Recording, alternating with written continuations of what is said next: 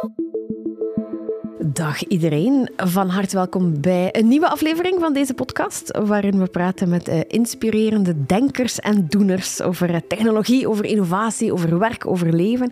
En bij mij zit uh, de jongste gast uit de reeks, dat is Dries de Sager. hij is momenteel teammanager van het Inoptus Solar Team. dat is een team van Belgische ingenieurstudenten dat er naar streeft om de meest innovatieve en efficiënte zonnewagen te bouwen. En een maand geleden hebben zij de Solar Challenge gewonnen in Australië. Ja, dat is het, het WK voor zonnewagens, zeg maar. Dag Dries, welkom. Dankjewel, goedemiddag. Fijn dat jij hier bent. Uh, Dries, voor de mensen die jou niet zouden kennen, hoe zou jij jouzelf omschrijven? Wie is Dries de Sager in drie zinnen? Zoals je zelf al zei, ben ik dus vanaf nu teammanager van Team Optisch Solar Team. Ik ben ook industrieel ingenieur hm? van vorming. En een echte teamplayer, wat ook wel uh, naar buiten komt, het Solar-team. Ja, absoluut. Ja, ik zei het net, een dikke maand geleden wonen jullie voor de tweede keer al, denk ik, de Solar Challenge in Australië. Neem ons eens mee naar het begin van dat verhaal. Hoeveel maand voorbereiding is daaraan vooraf gegaan? Daar is zeker 15 maand voorbereiding aan vooraf gegaan. En dan spreken we alleen nog maar over het, over het jaar van het bouwen zelf. Terwijl er natuurlijk jaren voorafgaande kennis voor nodig is om tot het punt te komen om, om klaar te zijn voor zo'n race. Maar het team van vorig jaar is dus 15 maanden bezig geweest met hard werken aan de wagen, van design tot echt productie, tot het ontwikkelen van de wagen en dan echt te gaan racen, het hoogtepunt natuurlijk. En ja, dat is afgesloten met een orgelpunt en de kers op de taart met de wereldtitel. Ja, je zegt bouwen op voorgaande kennis. Het is al een aantal jaar dat jullie een, een zonnewagen bouwen. Wanneer is dat project begonnen? Wij bestaan eigenlijk in 2024 20 jaar. Dus het is uh, een jubileum volgend jaar. En we gaan er dan ook uh, op inzetten om daar uh, nog extra mee te spelen. En volgend jaar opnieuw te winnen, hopelijk, in onze volgende internationale race. Ja, maar dat zijn dus altijd andere teams. Hoe vaak shift zo'n team? Eigenlijk jaarlijks veranderen wij ah, van team. Dus elk jaar recruteren wij nieuwe mensen, omdat we ook telkens op inzetten om nieuwe ingenieurs te hebben om nieuwe inspiratie te hebben, nieuwe ideeën die echt nodig zijn om elkaar te challengen en elkaar uit te dagen. Wat kunnen we bereiken dit jaar? En dat is heel mooi. Die, die samenwerking, die cohesie is altijd elk jaar anders. Ja. Je zet elk jaar nieuwe studenten samen die elkaar totaal niet kennen meestal. En om dan dat als één samenwerkend geheel daar een machine van te maken die dan zoiets aflevert als een wagen, iets innovatief, dat is, dat is prachtig om te zien. Zijn het altijd studenten dus die nog bezig zijn met een opleiding? Klopt. Het zijn soms afgestudeerde studenten, soms studenten die nog bezig zijn. We hebben eigenlijk twee mogelijkheden, omdat een postgraduaat is bij ons. Ah. Dus enerzijds kan je dat direct na je bachelor doen, anderzijds kan je dat direct na je master doen. Dus daar zie je wat verschillen. Daardoor zit er ook een beetje verschil in leeftijd bij ons. En dat is eigenlijk wel tof om te zien, omdat je dan ook weer die verschillen hebt. En die verschillen die ervoor zorgen dat we samen een mooi resultaat kunnen afleveren. Dus we zitten daar met leeftijden tussen 21 en, en 3, 24 jaar. En als je zegt postgraduaat, is dat een, een, een voltijdse bezigheid voor een jaar? Of, of gebeurt dat vooral na de uren? Nee, dat is echt een voltijdse bezigheid. Dus de KU Leuven geeft ons ook die mogelijkheid om daar overdag heel dagen aan te werken, omdat dat gewoon niet combineerbaar is met onze studie. Nee. Dat veel, veel werk in beslag nemen. Um, dus vandaar eigenlijk dag in dag uit zijn wij daarmee bezig, gelijk iemand die met zijn job bezig is. We worden dan natuurlijk wel niet betaald, we zijn nog studenten. Maar dat is, zoals we altijd zeggen, inzetten op de toekomst. En zo'n project is ja, iets wat je maar één keer in je leven kan meemaken, denk ik. En uh, vandaar grijpen wij dan natuurlijk met beide kansen. Ja, dus 15, jaar, uh, 15 maand geleden sorry, beginnen jullie uh, met die nieuwe wagen. Wanneer zijn jullie naar Australië vertrokken daarmee? Wij zijn vertrokken eind augustus. Uh, dus eind augustus zijn we vertrokken, terwijl dat eigenlijk in oktober pas de race was, midden oktober. Hoe dus raakt die, die wagen daar? Dat is met vliegtuig. Met vliegtuig? Ja, ja. ja, dat is een uh, heel grote operatie om dat daar te krijgen en om die dan terug te krijgen ook. Um, heel delicaat ook, want het is het enige moment in het jaar dat je je wagen eigenlijk afgeeft. Ja. En dat is altijd wel een beetje spannend en zorgt wel voor een beetje schrik bij sommige mensen. Maar uh, uiteindelijk raakt hij daar altijd veilig. En uh, ja, we hebben daar, dat is iets waar we heel hard in samenwerken met partners, waarin die ons heel hard ondersteunen om dat daar te krijgen. Omdat zonder hun, als we dat zouden moeten geven aan iemand waar we ja, geen kennis, geen samenwerking mee hebben, zou dat veel moeilijker zijn. Terwijl zij ervoor zorgen dat dat er heel vlot geraakt en dat heel veilig geraakt en dat we daar met onze wagen staan en eigenlijk nog zes weken kunnen voorbereiden op de race. Met eh. heel dat team? Zes weken in Australië? Dat is met heel team van vorig jaar dan. Dus die zijn met twintig. En die zitten daar dan uh, een goede vijf, zes weken om alles voor te bereiden passen daar nog de laatste zaken aan aan de wagen. We hebben nog contact met de organisatie, hoe dat alles in zijn werk gaat gaan. En al die zaken, die laatste dingen fine-tunen, om ervoor te zorgen dat we tijdens de race niet voor verrassingen komen te staan. Want echt elk scenario wordt bekeken. Is het waar? Wat is het grootste, het grootste rampscenario? Het grootste rampscenario. Bijvoorbeeld is in Australië, wat we heel hard bekijken, dat misschien al nooit lijkt voor de buitenwereld, zijn kangoeroes. Och. Ja, er zijn daar heel veel kangoeroes. En er liggen daar soms ook heel veel kangoeroes dood op de weg die omvergereden zijn. Voor onze zonnewagen is dat natuurlijk iets... Ja, als wij daar tegenrijden, dat dat zou niet goed zijn voor de kangoeroe en niet goed zijn voor de zonnewagen. Dus op zich, dat zijn dingen die we ook proberen naar kijken. Van hoe kunnen we daar op inspelen? Hoe kunnen we dat vermijden, die situaties? Dus zo, zo zot gaan we dat er elke situatie wordt bekeken. Cool. Maar die zonnewagen is iets, iets heel fragiel, hè, heb ik de indruk. Die is ook heel klein en smal. En, en jij zei daarnet voor opname, niet iedereen past daarin. Wij, bouwen die wagen op ons kleinste teamlid of op de chauffeur? Of, hoe gaat dat dan? Enkele jaren geleden waren er net nog minder limitaties rond. Want natuurlijk hebben we wel een heel streng reglementenboek waar we ons moeten aan houden, want we moeten altijd veilig blijven. Mhm. Ehm, dus enkele jaren geleden was dat nog dat wij konden kijken van oké, wie is hier het kleinste en wie gaat daar goed in passen. Um, nu is dat veranderd, de regels. Uh, daar hebben we eigenlijk een PVC-pad, noemen ze die. Dat is een beetje een pop die je moet inkrijgen. Hmm. En dan is volgens de organisatie het goedgekeurd, de positie.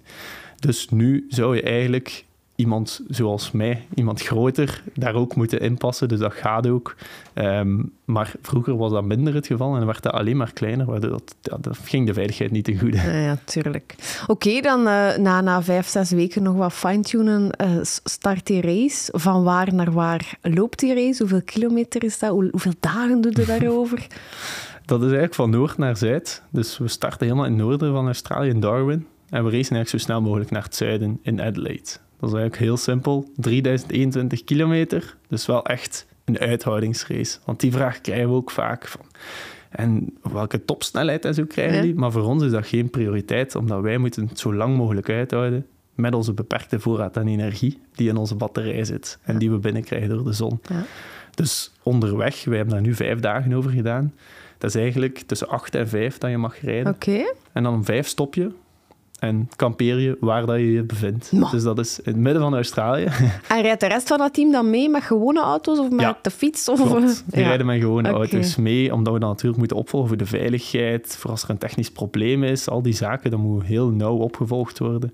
Dus dan uh, zijn die altijd ter beschikking. En rijdt diezelfde chauffeur altijd vijf dagen van acht tot vijf? Nee, dat wordt We hebben verschillende piloten. Ah, we hebben verschillende piloten. En elk jaar is er altijd één, twee of soms drie piloten van het huidige team die piloot worden. Maar dan pakken we ook soms piloten van vorige jaren mee. Hmm. Omdat natuurlijk die ervaring is wel belangrijk. Zo'n zonnewagen is niet zoals een auto om te besturen. Dus daar wordt ook heel hard op getraind. Ehm, nu bij ons zijn we al aan het kijken naar de piloten voor volgend jaar. Dus zo wordt dat telkens helemaal herbekeken. En die piloten wisselen elkaar af. Omdat we natuurlijk niet langer dan een aantal uur in die auto kunnen en mogen zitten. Ehm. Wat is daar zo anders aan om die te besturen? Dus om, het besturen zelf is in principe, ja, je hebt ook nog altijd gewoon een stuur. Ehm, de snelheidsregeling zit wel gewoon op het stuur. Die kunnen wij ook gewoon zien van de wagens die volgen natuurlijk.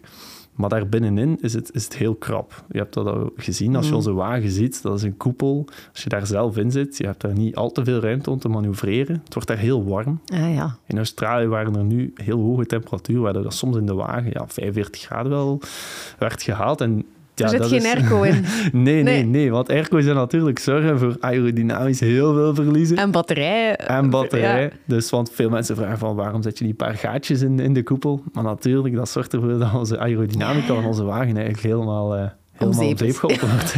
cool. Uh, goed, dan race je 3021 kilometer blijkbaar. En jullie komen als eerste over de streep. Was het nipt of was het met een ruime voorsprong? Uiteindelijk was het maar 20 minuutjes. Dus dan kan je zeggen op 3000 kilometer, dat was een dertigtal kilometer, dat is nipt, zou je kunnen zeggen. Wie was tweede? Twente. Een Nederlands. Een Nederlands. Ja. En de derde was uh, Delft, ook van Nederland. Dus het is altijd wel een beetje... Benelux uh, boven? ja, ja, ja. Nee, dus Allee, in de eerste dag, wij zijn eigenlijk als tweede mogen starten. De startvolgorde wordt eigenlijk bepaald via de kwalificatie. Dat is eigenlijk een beetje lekker in de Formule 1. Ja. Daar rij je zo snel mogelijk een rondje en degene die het snelst heeft gereden mag als eerste starten. En wanneer doe je dat? Zo de dag voor die Dat is de dag voor de race, ja. En dan heb je je startvolgorde. Wij waren tweede, dus Hoe snel gaat jullie auto? 170 km per uur kunnen wij als topsnelheid halen. Ja, ja. Maar natuurlijk op de weg, dat is misschien wel belangrijk, moeten we ons ook aan de wegcode houden. Ah, is dat? Onze wagen is volledig gekeurd, een nummerplaat en alles erop en eraan. Ehm, zodat wij gewoon tussen het verkeer rijden. Want het is niet dat eh, heel van noord naar zuid alles Ah, afgezet en nee, staat. Tuurlijk, ik had daar niet bij stilgestaan, maar ah, ja, Ja, ja, ja. tuurlijk. Ja, je moet je aan de maximumsnelheid Ja, houden. klopt, klopt. God, Dus we rijden nooit 170. Ook niet in die kwalificatieronde? Nee, nee, nee, dat Nee, kan je nooit halen. Dat, eh, allee, dat zou al eh, een heel lang rechtstuk moeten zijn. Oké, dus 20 minuten verschil met de tweede. Ja. Wat aanzienlijk is. Ja, de eerste dag hebben we eigenlijk direct onze voorganger, dat was Aken, die als eerste mocht starten Mhm. van Duitsland, ingehaald. En dan hebben we telkens eerst gebleven. Waar, dat heeft er eigenlijk voor gezorgd dat we telkens onze eigen snelheid konden rijden en onze eigen strategie konden volgen. Want dat is iets wat heel veel mensen vergeten bij ons. Strategie is echt heel belangrijk. Je kan nog zo'n goede wagen hebben, maar als die strategie, als je niet goed nadenkt wanneer dat je energie verbruikt, ja, je kan je batterij enkel opladen vlak voor de race. Ja. Tijdens de race niet meer. Dus als je één dag te snel rijdt en te optimistisch bent en er komt te weinig zonlicht binnen, Zit dan, de volgende dag in de problemen. dan zit je de volgende dag in de problemen. Dus vandaar... eh, Dus weer in de gaten houden is een, is een groot deel van die wedstrijd. dat ook. is cruciaal. We hebben eh, iemand die volledig bezig is met het weer elke dag van de race. Amai. Alright. Ehm, ja, jullie zijn niet alleen als eerste over de streep gekomen. Jullie hebben ook een andere prijs daarmee naar huis gekregen. De innovatieprijs. Dat Klopt. vind ik voor deze podcast heel interessant. Wat was er zo innovatief aan jullie zonnewagen dit jaar? Ja, wij hadden dit jaar een, eh, een VIN geïmplementeerd. Een VIN die dit jaar niet helemaal nieuw was. Want vorig jaar hadden we al voor de allereerste keer een VIN gebruikt. Maar die was puur statisch. Maar nu hadden we ervoor gezorgd dat die VIN eigenlijk kon roteren. Eigenlijk perfect gelijk het zeil van een zeilboot. En die staat van achter op... Die staat eigenlijk vlak achter de piloot, boven zijn hoofd. En dat kan uitschuiven op het moment dat wij het willen. Ehm, omdat dat ook heel belangrijk is. Ja, wij willen een zo compact mogelijke wagen. Dus dat we dat enkel kunnen uitschuiven als het nuttig is en als het nodig is. Dus daar gaat er ook heel veel strategie aan te pas van wanneer zit de wind goed? Ja. Dat is een heel belangrijke vraag. Want anders kunnen we meer slecht doen dan goed doen. En als we dan heel veel zijwind hebben, zorgde die vinder eigenlijk voor dat we die konden draaien en dat de zonnewagen eigenlijk werd vooruitgestuwd door de wind. Allee, jong. Dus daardoor verbruiken we natuurlijk minder energie en konden we sneller gaan. En dat had nog een bijkomend voordeel, dat ook heel belangrijk is voor ons. En dat was de betrouwbaarheid, omdat we daardoor veel meer stabiliteit hadden. Dat is eigenlijk dat is soms een beetje contradictorisch voor sommige mensen, maar je moet het eigenlijk vergelijken met de vin op een surfplank. Uh-huh. Op een surfplank heb je ook door die vin je stabiliteit. Als je die vin daar weghaalt, dan is het like suppen en dan staat iedereen wat te wankelen op het bord. En als je daar een vin onder zet, is dat veel stabieler. En dat is perfect hetzelfde eigenlijk wat er met onze zonnewagen gebeurt. En daardoor konden wij veel sneller gaan bij zijwinden, zonder het risico te hebben dat we kantelen. Want alweer, die veiligheid is iets wat heel belangrijk is bij ons. Ik vind het wel cool dat het dan ook nog een keer naast zonne-energie windenergie is dat jullie. Mhm. klopt. Dus twee herbruikbare energiebronnen, dat is, Ja. ja. dat is heel fijn, hè? Duurzame energie in, Ja. in zijn geheel eigenlijk. Hè. Cool. Ja, en ja, een innovatieprijs, dat is de max. Ehm, ik las, jullie wagen kan 900 kilometer rijden, blijkbaar, met, Klopt. met één batterijlading. Dat is, dat is meer dan de huidige elektrische wagens. Ja, inderdaad. Ja. Dat is ook iets dat we echt wel heel trots op zijn, omdat we, we hebben dat, ja, die, dat batterijpakket wordt ook volledig zelf gemaakt. We bestellen natuurlijk de cellen en dan steken we dat helemaal zelf in elkaar. We hebben daar nu al jaren wel ervaring mee. Mhm. En ja, nu dat wij 900 kilometer kunnen rijden, dat is, dat is tot het zuiden van Frankrijk. Ik denk dat niemand tegenwoordig met zijn elektrische auto zonder laden naar het zuiden van Frankrijk kan rijden. Dus dat is zeker iets, die, die innovatie op dat vlak, die echt wel ja, typerend is aan wat wij willen doen. En wij willen vooral tonen van, kijk, dit is er mogelijk. Mhm. En heel veel mensen krijgen dan de reactie van, maar ja, je gaat daar toch niet mee naar het zuiden van Frankrijk rijden met die wagen.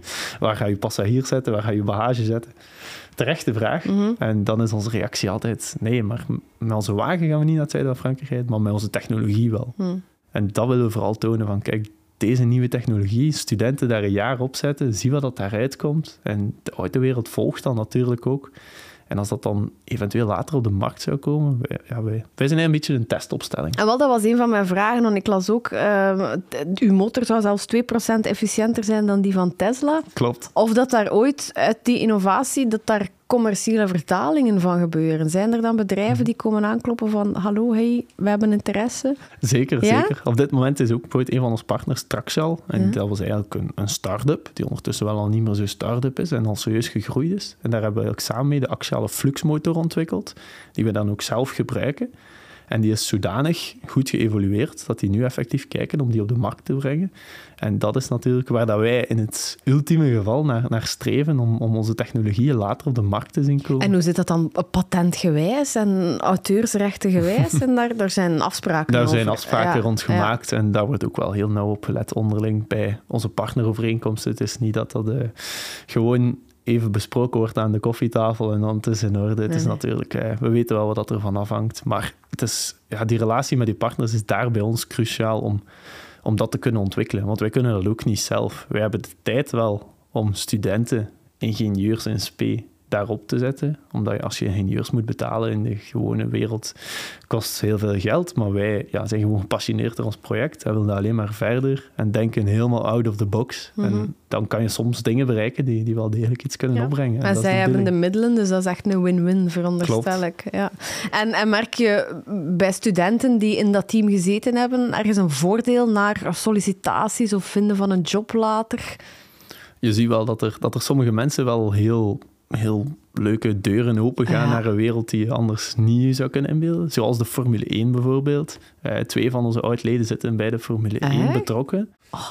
Um, ook iemand bij Tesla. Um, dus ze komen soms wel in, in heel, uh, heel zotte projecten terecht. Maar dus ook, je ziet evenveel mensen die gewoon dan verder gaan met een dagdagelijkse leventje van voor het Solarteam. Die even een jaar dat gedaan hebben. Een fantastische ervaring hebben gehad. En het is, het is wel heel intensief en het is heel zwaar, maar dat is net ook het, het mooie dat je stimuleert, omdat je weet, het is een jaartje. Voor een jaartje heb ik dat allemaal over mhm. en wil ik daar alles op inzetten en daar later heel trots op kunnen terugkijken. Tuurlijk. Welke skills leer je in, in het team die je niet op de schoolbanken kan leren? Goh, dan denk ik vooral aan het ondernemerschap. Ja. Ehm, ja, wij moeten zelfvoorzienend zijn, dus wij willen zelf ons, ons team laten draaien met alle middelen die we zelf vinden. Dus dat is een hele belangrijke. Mm. Het, het, een nee heb je, een ja kun je krijgen, dat is iets ja, dat, dat wij altijd en overal proberen, naar bedrijven toe ook. Dat is niet eenvoudig om daar de juiste partners te vinden, omdat je daar wel een connectie wilt. En anderzijds heb je het teamwerk. Het teamwerk is echt... Bij ons staat dat ver bovenaan, omdat wij eigenlijk... Ja, nu zetten wij 13 ingenieurs samen dit jaar, die elkaar totaal niet kennen op dag één samenwerken en nu ondertussen, vijf maanden later, elke dag al samen hebben gezeten. En ja, dan, dan leren je elkaar automatisch kennen, leren je automatisch samenwerken. En dat gaat wel een keer botsen. Mhm. Maar daarvoor zijn die discussies heel interessant en die meningsverschillen heel interessant om, om te evolueren op persoonlijk vlak. En dat is iets dat je, denk ik, heel moeilijk achter de schoolbank kunt leren. En zeker als we dan ook kijken naar het technische aspect van onze wagen. Want natuurlijk willen we technisch ook bijleren. En zou je denken van, school is dat misschien beter, want dat staat veel gestructureerder uitgeschreven. En dat is zeker waar, maar wij kunnen eigenlijk bijleren zonder te leren echt. Je hebt niet het gevoel dat je hier leert, maar toch doe je zoveel kennis op mm. door te babbelen met mensen. En dan denk je, ah, maar daar heb ik iets van gezien in mijn cursus. Zoek je die cursus op, benader je die prof. Kijk, we hebben nu dit en dat. En dan ga je daarmee in gesprek en merk je dat, er, dat je eigenlijk zo'n basis had vanuit je NIF-carrière die je, niet al, die je soms vergeet dat je die al hebt. En dat maakt het heel interessant. Je zei het al, 2024 wordt de 20ste verjaardag. Uh, de allereerste zonnewagen die kwam ook met een slogan. Uh, we don't build a car, we build the future. Heb jij de drang om de wereld te veranderen? De drang om de wereld te veranderen is veel gezegd. Uh, we hebben wel de drang om de wereld te tonen wat mogelijk is. Ik denk dat dat het vooral is. Um, dat wij zelf met Solar Team de wereld gaan veranderen, dat is een beetje boven ons, boven ons petje, denk ik. Um, maar het is zeker, zoals ik zei, van het tonen van wat er mogelijk is met beperkte middelen en met studenten die eigenlijk gewoon vol tijd op zo'n project gooien. Mm dat is wel iets wat we echt willen tonen met die groene energie, zoals je al zei, van die motor, die batterij. Al die, al die zaken, dat zijn wel zaken die later eventueel niet per se de wereld gaan veranderen, maar die wel een impact kunnen hebben. We denken bijvoorbeeld aan de milieucrisis. Mm dus wij willen daar wel tonen van, kijk, er zijn ook oplossingen. En wij zijn klaar om na te denken over die oplossingen. En gaan ze vanzelfsprekend zijn? Nee, zeker niet. Gaat het tijd kosten? Zeker wel. Maar het is wel mogelijk. En het is niet zo pessimistisch als het er soms allemaal, uh, allemaal uitziet. En we willen tonen welke technologieën dan nog wel mogelijk zijn om te implementeren. Hm. Wat is volgens jou de toekomst van zonne-energie? Wanneer of rijden we ooit allemaal op, op zonnewagens? Dat is een heel goede vraag. Ehm, het is zeker iets dat in de toekomst gaat bekeken worden. En ik denk als we nu kijken, dat we dat eerder op korte afstanden moeten bekijken. Wat is kort? Bijvoorbeeld het stadsleven. Als je daarmee wagen moet rijden, kan die perfect terwijl opladen. Mhm. Voor langere afstanden moet dat natuurlijk bekeken worden. Als je elke dag 500 kilometer moet rijden, is dat al iets anders. Ehm, maar dat kan zeker bekeken worden. En er zijn daar wel mogelijkheden in, maar daarvoor hebben we dan de steun van bedrijven en alles er rond nodig. Wij leveren alle kleine deeltjes en zij gaan dan eh, hopelijk het grotere geheel aanpakken. Ja. Wat zijn de grootste uitdagingen op dit moment voor dat, dat zonneverhaal? Goh, ik denk op dit moment, zoals ik zeg, de, de lange afstand is, is Ja. moeilijk. Ehm, de efficiëntie van de zonnecellen is ook iets dat moeilijk is, omdat bij ons thuis ja, liggen er wel zonnepanelen en die hebben een efficiëntie van 15 tot 20 procent. Och, ja. Dus dat is eigenlijk niet heel veel. En in jullie Ehm, auto? Bij ons zitten wij aan 28 procent. Ehm, dus wel een stuk beter. Ehm, maar dat is puur omdat we eigenlijk... Ja, thuis ligt er glas op en ligt van alles op. Die er eigenlijk voor zorgt dat ons zonnecel beschermd wordt. Ja, wij hebben dat niet. Wij gebruiken andere beschermingsmiddelen, maar die dan wel in gewicht besparen. Wat voor ons heel belangrijk is, omdat wij wel streven naar een racewagen en niet naar een eh, gewone stadswagen. Maar de technologie hopelijk voorzien voor de stadswagen. Hoeveel weegt de auto eigenlijk? 160. Dat is, dat is bijna niks, hè? Dat is inderdaad niets. Maar dat is wel zonder piloot gereden. Ah ja, tuurlijk. Ik heb jullie website ook eens bekeken. Die is heel mooi gebouwd trouwens. Eh, daar staan nu 33 teamleden op. Wat mij opviel, er zijn maar drie vrouwen bij. En, en twee daarvan zitten dan in ja, de iets softere skills, wat we soms zeggen, PR, marketing. Eén vrouw zit in het technische team, maar hoe komt dat volgens jou? Goh, dat is bij ons een beetje... ehm, we moeten natuurlijk doen met de groep die zich aanbiedt. Mhm. Ehm, maar wij zetten wel heel hard in, daarmee ook op stem. En dat is daar heel hard aan gelinkt, denk ik. Als wij kunnen inzetten op stem, waar dat stem, dat is dus inzetten op de jeugd, het fascineren van de jeugd. En dat is in het middelbaar, in het lager. En daar is de verhouding jongens-meisjes wel gelijk. Ja. Ehm, en als we daarop kunnen inzetten, bereiken we ook direct veel meer meisjes. En kunnen we dan in de toekomst hopelijk nog veel meer meisjes verwelkomen in het team. Want het is zeker iets waar wij aandacht aan besteden. En dat wij ook hun willen overtuigen om in die ingenieurswereld terecht te komen. Gaan jullie actief naar scholen met, met dat verhaal? Of met de auto zelf soms? Zeker en vast. Zeker en vast. Eh, we hebben ook elk jaar onze Solar Olympiade. Dat is eigenlijk iets puur van het Inopti Solar Team. Dat wij eigenlijk naar scholen een challenge uitsturen en hun uitdagen om de nieuwe wereldkampioenen te worden. En hun vragen van bouw ofwel een gadget of een auto op zonne-energie. Eén van de twee. En in het begin vinden ze dat allemaal heel... Het komt heel overweldigend over. Ehm, maar uiteindelijk, wij begeleiden hun heel hard in dat project, omdat wij één van ons allemaal en- aan enkele scholen toekennen, Ja. zodat zij specifiek vragen aan ons kunnen stellen, dat heel persoonlijk wordt. En doorheen het jaar ontwikkelen zij dat dan. Hebben wij een bootcamp waar dat we hun leren pitchen, waar dat we hun leren simulaties doen rond een wagen op heel basic niveau, maar hen zo proberen interesseren daarin. En uiteindelijk hebben we dan een finale dag waar de wagens tegen elkaar racen, de gadgets vergeleken worden op, ja, kunnen we die op de markt brengen, zijn die realistisch? En dan pitchen de scholen zelf ook. En dat is wel iets dat we zien dat heel hard aanslaat. En voor het in vergelijking met vorig jaar zaten wij aan 125 teams over heel Vlaanderen die waren ingeschreven. Nu zaten we al op 175. Dus dat is iets dat heel hard groeit. En dat ik ook heel hard merk. Ik heb zelf ook, toen ik in het middelbaar zat, ooit een spaghettibrug gebouwd bij een vak dat Ja.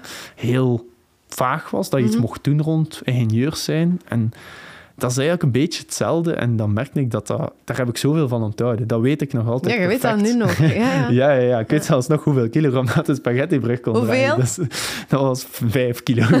Maar Die was een beetje eh, door de mand gevallen. verdienstelijk.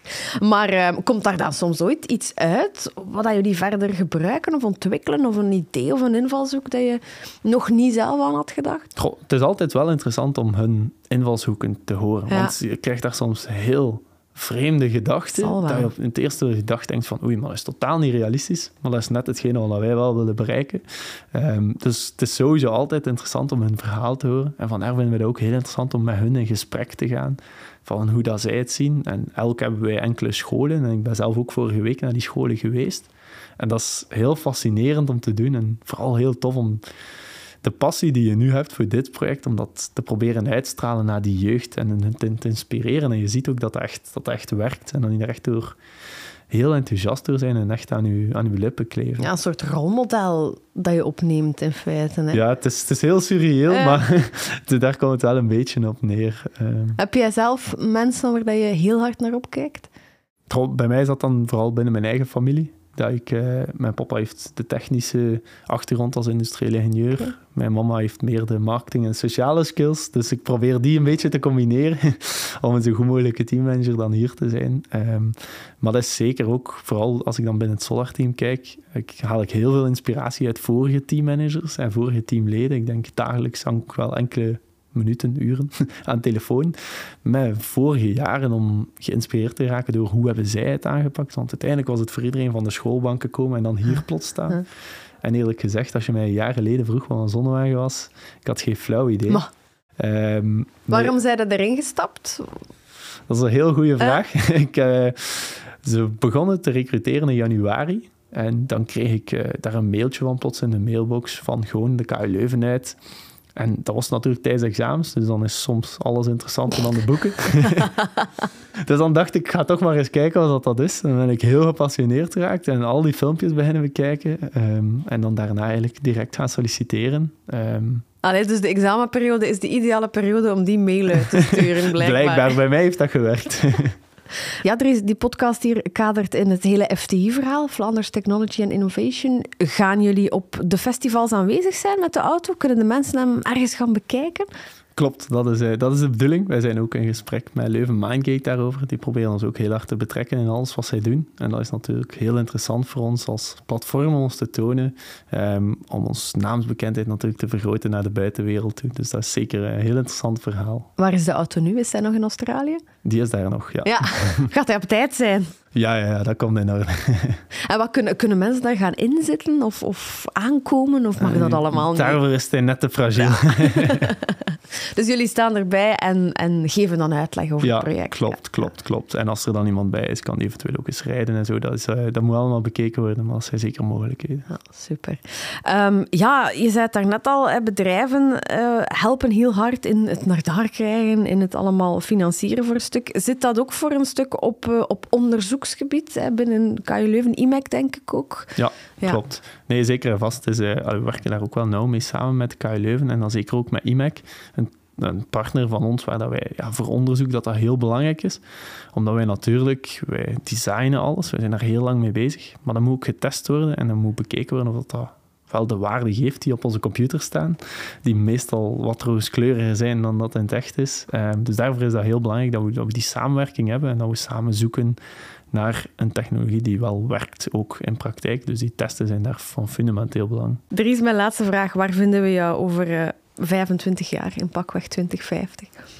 Goh, ik, mijn doel is om projectmanager te worden. Daar, dat is nu de eerste stap, hopelijk dit. Um, dus dat hoop ik vooral te doen. En ook nog altijd bezig met dat wereldje. En ergens nog, het Solar-team, zo, die, dat ga ik echt wel voor altijd in mijn hart dragen. Dat merk ik nu al na vijf, maanden dat ik daar zo door gefascineerd ben. Dus ik hoop daar, daar ook, dat er daar ook nog een toekomst in is. En dat we misschien bij een aantal jaar zeggen, kijk, daar hebben wij nog bij geholpen. Dus dat hoop ik vooral. En uh, dan voor de rest een, een, vaste job hebben in, in het projectmanagement zijn. Prachtig. Dank je wel voor die inkijk in dat ongelooflijke verhaal. En uh, ja, heel veel dank dat je bij ons was. Dries de Sager. Dank je wel.